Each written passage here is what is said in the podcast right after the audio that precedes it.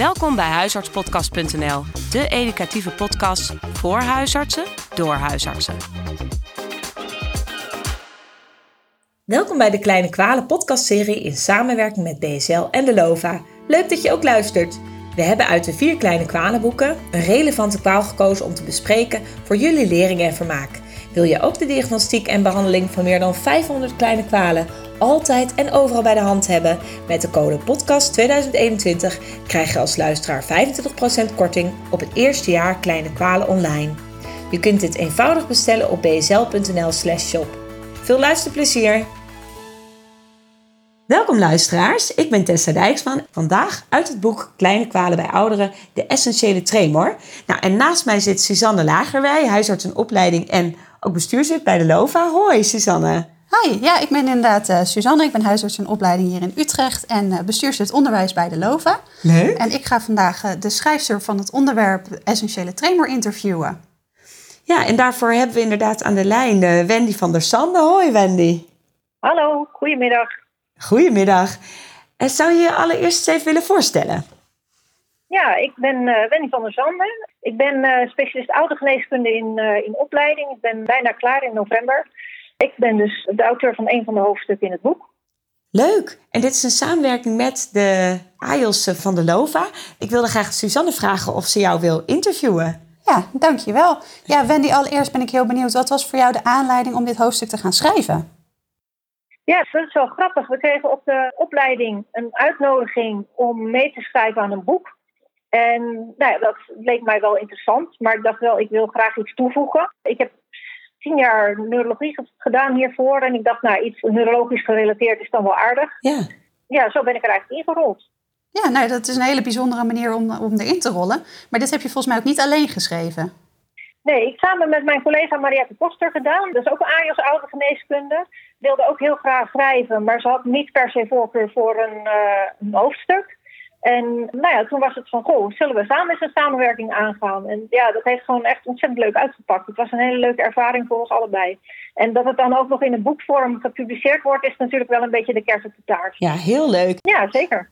En zeker met, met jouw ervaring in de neurologie ook iemand die heel veel uh, hierover kan vertellen.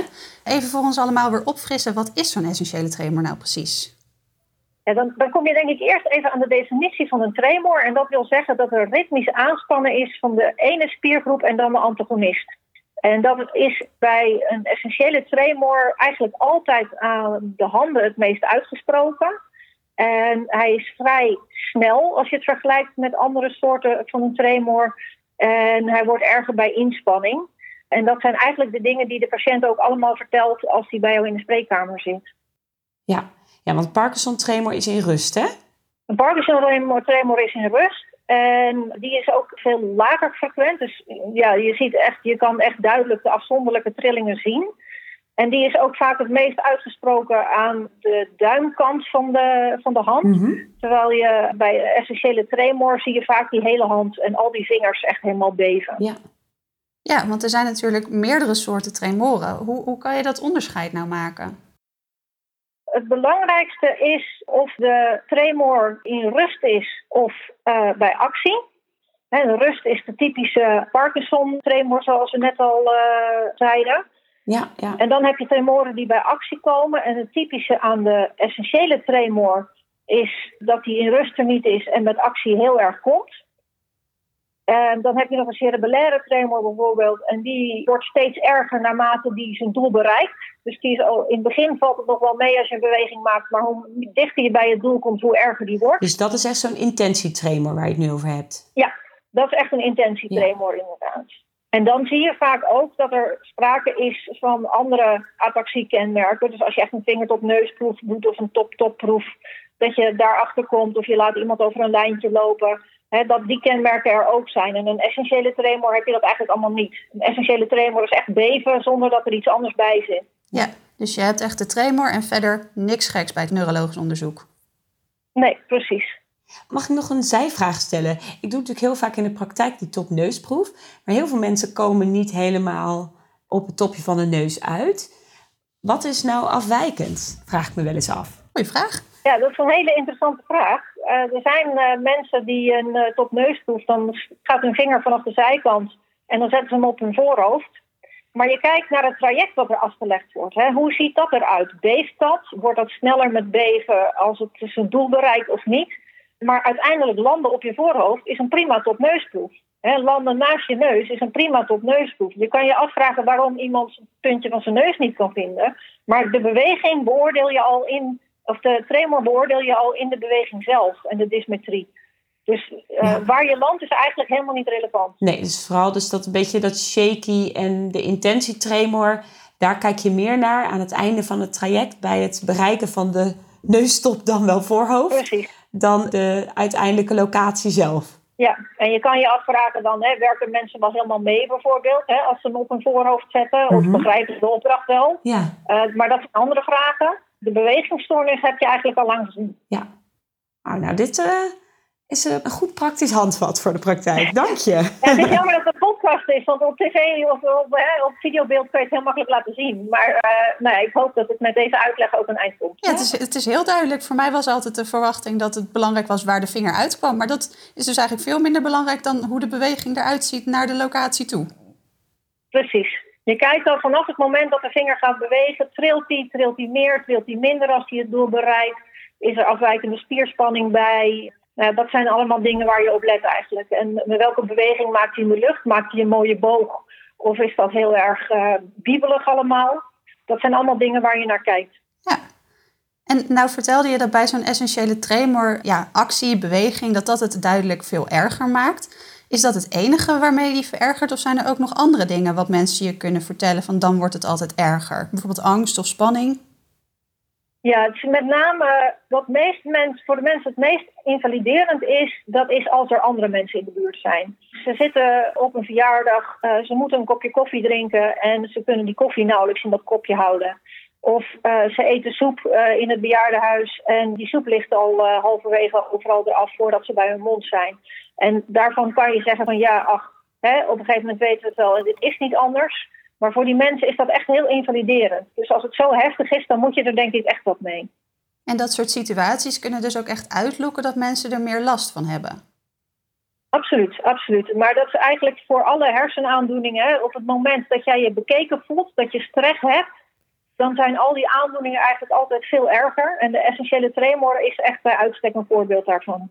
En nou heb ik ook wel eens van, uh, van een patiënt gehoord dat hij zei van ja, ik heb zelfs alle cafeïne uit mijn dieet gehaald en toch blijf ik trillen. Is dat nou echt dat dat ook echt helpt om de cafeïne eruit te halen of is dat een fabeltje? Wij hebben nog eens uh, met die vraag de literatuur bestudeerd. En wij komen uiteindelijk de studies tegen die overblijven dat er dus geen effect is van cafeïne op de tremor. Dus dat wordt nog wel genoemd. Ik zag het zelfs in de richtlijn van de neurologie staan.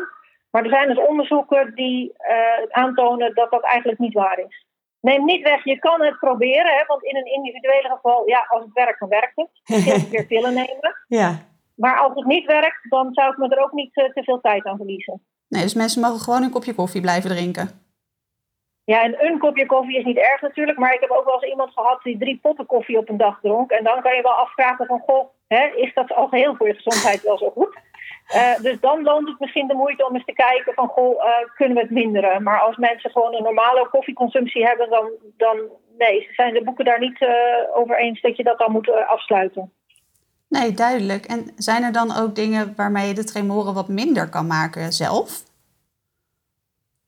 Ehm, ja, vooral rustig zitten. Dat is eigenlijk hè, zo ontspannen mogelijk blijven dat is de allerbeste tip. En uh, er het een plekje geven, zeg maar. Dus ook zeggen van, goh, ik beef. Het is niet anders. als ik dat kopje koffie naar mijn mond moet brengen, dan verlies ik de helft. Nou ja, als mensen op dat verjaardag dat na drie jaar weten, dan is het ook niet erg meer. Dus op die manier ermee omgaan. Wat qua zelftherapie nog wel uh, kan helpen, is uh, alcohol drinken. Dus dat adviseer jij ook in de spreekkamer? ja, nee, dat is dan weer een advies wat je niet mag geven. maar het is altijd wel een grappige vraag om te stellen. Want mensen zeggen dan, uh, ja, die staan een beetje verbaasd. En van ja, alcohol. En dan zijn ze bang dat ze daarop aangesproken worden. Maar in dit geval kan het dus een helpende vraag zijn. Uh, omdat een essentiële tremor vrij goed op alcohol kan uh, reageren. En dan bijvoorbeeld een dystone tremor dat helemaal niet doet. Dus dan kan je alweer een klein beetje onderscheid maken. Ja, ja. Ja, dus naast iets wat helpend kan zijn voor mensen, ook al mag je het niet adviseren, is het ook een diagnostische vraag. Ja, precies. Ja, um, dus eigenlijk het, het, belangrijkste wat mensen zelf kunnen doen, is het accepteren en af en toe eens een glaasje wijn drinken. Ja, ja. Uh, als zij merken dat dat scheelt. Uh, als ze er niks van merken, dan is het ook een advies wat je niet hoeft te geven natuurlijk. We gaan niet mensen aan de alcohol helpen, zou ik maar zeggen. Nee, je hoeft geen mensen tot alcoholist uh, om te dopen. Nee. En de meest voorkomende, daar hebben we het eigenlijk nog niet over gehad, maar de meest voorkomende factor uh, die een rol speelt, is de erfelijkheidsfactor. Ehm, en die is vaak heel groot. Hè? En er zijn echt families waar het heel veel in voorkomt. En ze ja, opa beefde ook al. Dus die mensen die komen niet eens ooit naar de dokter uh, überhaupt. Dus de essentiële tremor, de meeste mensen blijven gewoon buiten ons zicht. Maar stel je zit een keer in, in een bejaardenhuis uh, en uh, iemand laat zijn borreltje staan. Nou ja, bij wijze van spreken met een borreltje op kan hij wat, wat minder trillen. Ja. ja, maar het komt dus heel veel in families voor. Ja, zeker, absoluut. Ja, het is bij, eh, bij 30 tot 70 procent, afhankelijk van welke populatie je onderzoekt. Hè. Is dat in een huisartsenpraktijk, zal dat anders zijn dan als dat in een, in een derde lijns verwijscentrum is, bij wijze van spreken. Maar bij 30 tot 70 procent ongeveer is er een positieve familieanamnese. En die mensen weten vaak ook niet beter. Hè. Dat, is, ja, dat zit zo in de familie. Ja, die accepteren dat als, als hun eigen. En ja, nogmaals, die komen dus helemaal niet naar de huisarts daarmee. Nee, die zijn er zo mee ja, opgegroeid dat het eigenlijk voor hen heel normaal is dat dat, ja, dat dat eigenlijk echt bij ze hoort. Ja. Ja. En dan zie je ook dat als je het een plekje kan geven, dat dat uiteindelijk dus helemaal niet tot ziektelast uh, hoeft te leiden. Want dat is altijd de vraag: van, hoeveel last hebt u er nou daadwerkelijk van? Hè? Wat, waar zit hem de last in? Is dat dat anderen het zien? Of is het omdat je moeite hebt om je glas leeg te drinken, hè? Uh, omdat je zo beeft? Nou, als dat laatste het geval is, is dat natuurlijk wel een behandelindicatie. Het eerste uh, ga je eerder naar psychosociale componenten kijken misschien, dan dat je iemand aan de pillen zet. Ja, want je noemt het nu over pillen. Wat voor behandelmogelijkheden zijn er allemaal? De belangrijkste stap je eigenlijk wil zetten, want je wil iemand zo min mogelijk pillen geven. Dat is natuurlijk universeel, maar dat is ook uh, bij de essentiële tremor, want je lost hem niet vaak helemaal op. Nou moet ik zeggen, ik kom dus uit de neurologie in een derde lijn ziekenhuis. Dus dat is altijd een klein beetje uh, een vertekend beeld. Maar je kan uh, natuurlijk propranolol geven, de beta-blokker, dat weten de meesten denk ik wel. Ja. Die kan het beter tegengaan. Alleen zeker als je bij ouderen zit, dan heb je toch dat die al cardiovasculair belast zijn, dat die lage tensies hebben bij hartfalen, dat er andere contra-indicaties zijn. En ja, dat je dan dus die beta-blokker liever niet wil geven. Nee, en eh, heb je dan nog andere opties naast alleen de beta-blokker? Een andere uh, optie die je hebt is primidon. Dat is off-label. Uh, dat is eigenlijk van oorsprong een middel tegen epilepsie. maar als je het in een hele lage dosering geeft, dan is het ook wel bewezen effectief bij de essentiële tremor. Dus dat kan nog je alternatief zijn. Maar ja, anti-epileptica hebben natuurlijk ook altijd de nodige bijwerkingen. Wat voor bijwerkingen zie je daar vooral bij? Uh, bijwerkingen zijn vooral ja, verwardheid, hè, uh, verminderde aandacht, concentratie. Dat, dat zijn echt duizeligheid. Uh, dat, dat zijn echt typische anti-epileptica bijwerkingen, zeg maar, die die hele groep gewoon hebben, omdat ze dempend werken op de hersenen. Ja. ja, dempen ze niet alleen de tremor zelf, maar ook andere hersenfuncties. Dat is een beetje hoe ik het altijd uitleg aan de mensen ja, die het ja. ja, dat is ook iets wat je liever niet wil op oudere leeftijd natuurlijk. Nee. Nee. Goed, als je het laag doseert, kan het dus wel, uh, want een beetje ter vergelijk, je kan het opbouwen tot uh, 750 milligram. Maar uh, je kan eh, met 10 milligram al beginnen. Dus dat geeft wel een klein beetje een schaal aan, denk ik. dat je als je met 10 milligram begint, kan je dat ook bij iemand die in een verpleeghuis zit en niet naar de neuroloog wil, kun je dat best proberen. En als je het langzaam opbouwt, dan kun je dus ook de bijwerkingen goed monitoren, zou ik maar zeggen. Ja, dus starten met primidon 10 milligram. Ja. Ja.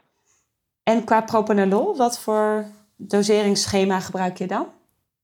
Begint met 40 milligram. Mm -hmm. En dan kan je iedere maand uh, eigenlijk omhoog op basis van uh, hoe het gaat. Tot maximaal 320 milligram per dag.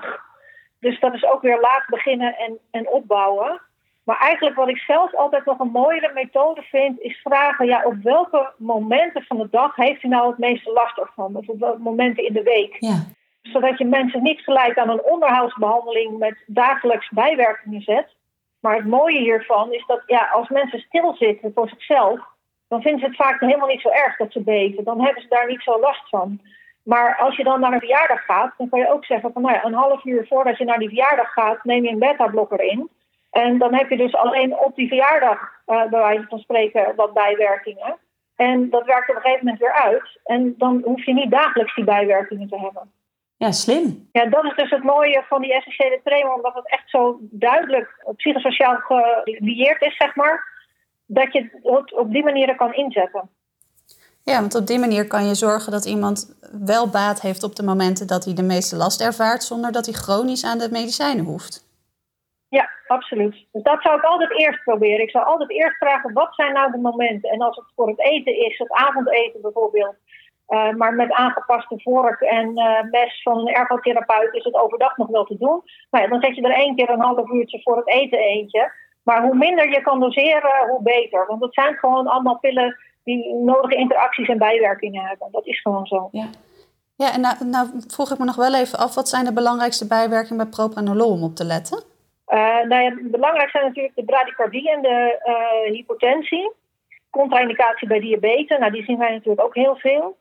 Verergering van uh, longklachten is natuurlijk kan problemen uitlokken. Depressiviteit. Depressiviteit heb ik ook nog wel veel gezien. Zo. dat is wel iets waar je naar moet vragen actief. Dus je moet mensen daar ook, mensen die aanleg hebben voor sombere stemming, en je gaat propranolol geven, uh, is mijn ervaring dat je daar altijd even actief naar moet vragen, omdat mensen er niet zo vaak zelf mee komen. En, en dan wil ik nog vragen, waarom is uh, propranolol gecontraindiceerd bij diabetes? Omdat de diabetes er meer van kan ontregelen. Oké. Dat zien wij bij ouderen in ieder geval heel veel. Ja. Dus, uh, misschien heb je daar minder last van bij mensen, wat jongere mensen die jullie ook in de praktijk zien, maar bij ouderen zie je dat wel. Ja. Oh, grappig, dat wist ik niet. Ja, want we schrijven het ook wel eens voor natuurlijk voor rijangst bij jonge 18-jarigen, zeg maar. Ja. ja. Maar dan vaak iets lagere dosering. Ja. Maar ja, dan geeft het ook incidenteel neem ik aan. Ja. Voor een optreden. Hè. Het is ook uh, bekend natuurlijk bij... Uh, Violisten, hè? Ja. En dan geef je het incidenteel voor het optreden. En dan val, vallen die bijwerkingen dus wel mee. Maar als ik in het verpleeghuis iemand uh, met een moeilijk behandelbare diabetes... die ook insulinetherapie krijgt... ook nog eens een beta-blokker erbij ga geven... dan heb je wel kans dat ik die, die diabetes moeilijker behandeld krijg. Ja allemaal afwegingen die je meeneemt dan. En ja, in de laatste plaats kan je nog de benzo's, uh, die hebben een beetje een dubieuze plaats. Ik ben opgeleid in een school waar die wel uh, gegeven werden. Eerder nog dan primidon. Mm -hmm. Als je het bij jongere mensen had, die dus inderdaad incidenteel uh, hè, op school in de klas bijvoorbeeld met de lunch iets hadden, dat je dan een tabletje Rivotril gaf. Ik moet zeggen dat ik het in de literatuur niet goed tegen ben gekomen als optie. En zeker bij ouderen moet je met benzo's ook weer terughoudend zijn. Dus ja, het is allemaal een afweging van belangen natuurlijk. Ja. Dus het is een optie, maar als ik jou zo hoor, niet echt een eerste of tweede keus. Nee, de eerste keuze, als je, als je de literatuur intuigt, zijn de eerste keuze toch propranolol en primidon. Ja, en eigenlijk als ik het zo hoor, dan kan jij zowel als huisarts als als specialist ouderengeneeskunde heel veel zelf al doen. Zeker. En ik denk ook dat dat bij de essentiële tremor heel goed kan. Pas als het een mengbeeld is, dat je bijvoorbeeld iemand hebt met altijd een essentiële tremor, maar die krijgt hypokinetische rigide kenmerken erbij. Of je hebt iemand die een tremor aan het hoofd heeft overwegend. dat zijn dingen waarvan ik dan zeg van ja, daarvan zou je toch een keer een neuroloog voor behandeladvies kunnen vragen. Omdat je dan moet, goed moet uitmaken welke type tremor je hebt. Uh, wil je je behandeling inzetten. Oké, okay, dus vooral als het niet helemaal zeker is dat het alleen om de essentiële tremor gaat, zou je adviseren om te verwijzen naar een neuroloog. Ja. En eigenlijk verder gewoon het meeste zelf doen. Ja, ik denk dat dat heel goed kan. En ik denk, uh, kijk, primidon is een beetje een gekke, denk ik, om in te zetten. Uh, omdat het een middel is wat je verder eigenlijk nooit tegenkomt. Aan de andere kant, je begint dus echt heel laag. Hè? Als je tot 750 milligram op een dag kan hebben, dan is 10 milligram bijna homeopathisch, zou ja, je zeggen. Ja. Um, dus ja, dan zou ik daar niet zo bang voor zijn. Kijk, als je er niet mee vertrouwd voelt, kan je natuurlijk altijd het advies van een neuroloog vragen. Maar als je iemand hebt die toch erg geïntimideerd is in een verpleeghuis, voor wie een gang naar de neuroloog te complex is, dan denk ik ja, waarom niet? Ja, nou ja dat lijkt me een goede overweging. Uh, je hebt ons al een heleboel verteld over de essentiële tremor. Wat zou je ons nu concluderend aanraden als we iemand met een tremor op het spreker zouden krijgen? Ik zou in de eerste plaats, ongeacht eigenlijk welk type tremor, vragen van wat zijn nou de momenten dat je het meest last van hebt. Want zo terughoudend mogelijk zijn met een onderbehoudsbehandeling, dat geldt eigenlijk voor alle tremoren.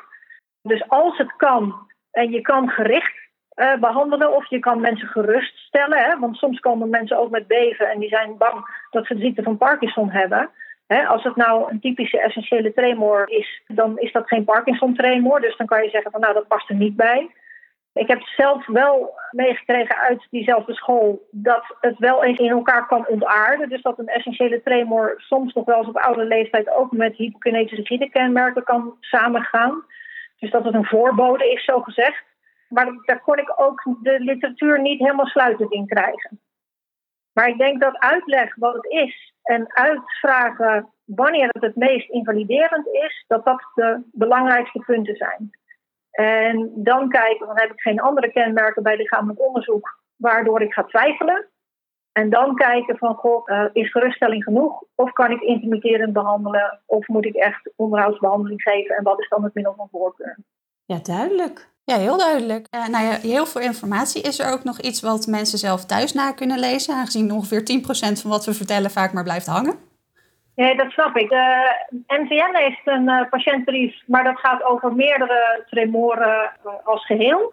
En op thuisarts.nl is er ook een informatiebrief verschenen. Nou, super. En die zou ik voor de luisterende huisarts ook even in de show notes zetten. Ja, en Wendy, wat zou je eigenlijk willen dat alle huisartsen die hiernaar hebben geluisterd in ieder geval onthouden en meenemen naar hun eigen praktijk? Nou, dus vooral in kaart brengen bij elk type tremor, maar zeker ook bij de essentiële tremor. Wat is de ziektelast die mensen ervan hebben? He, voelen ze zich vooral bekeken en schamen ze zich? Of geeft het last omdat ze moeilijk kunnen eten en drinken? In het laatste geval zou je ook nog een ergotherapeut misschien in kunnen schakelen. Um, en wees dus terughoudend met behandeling.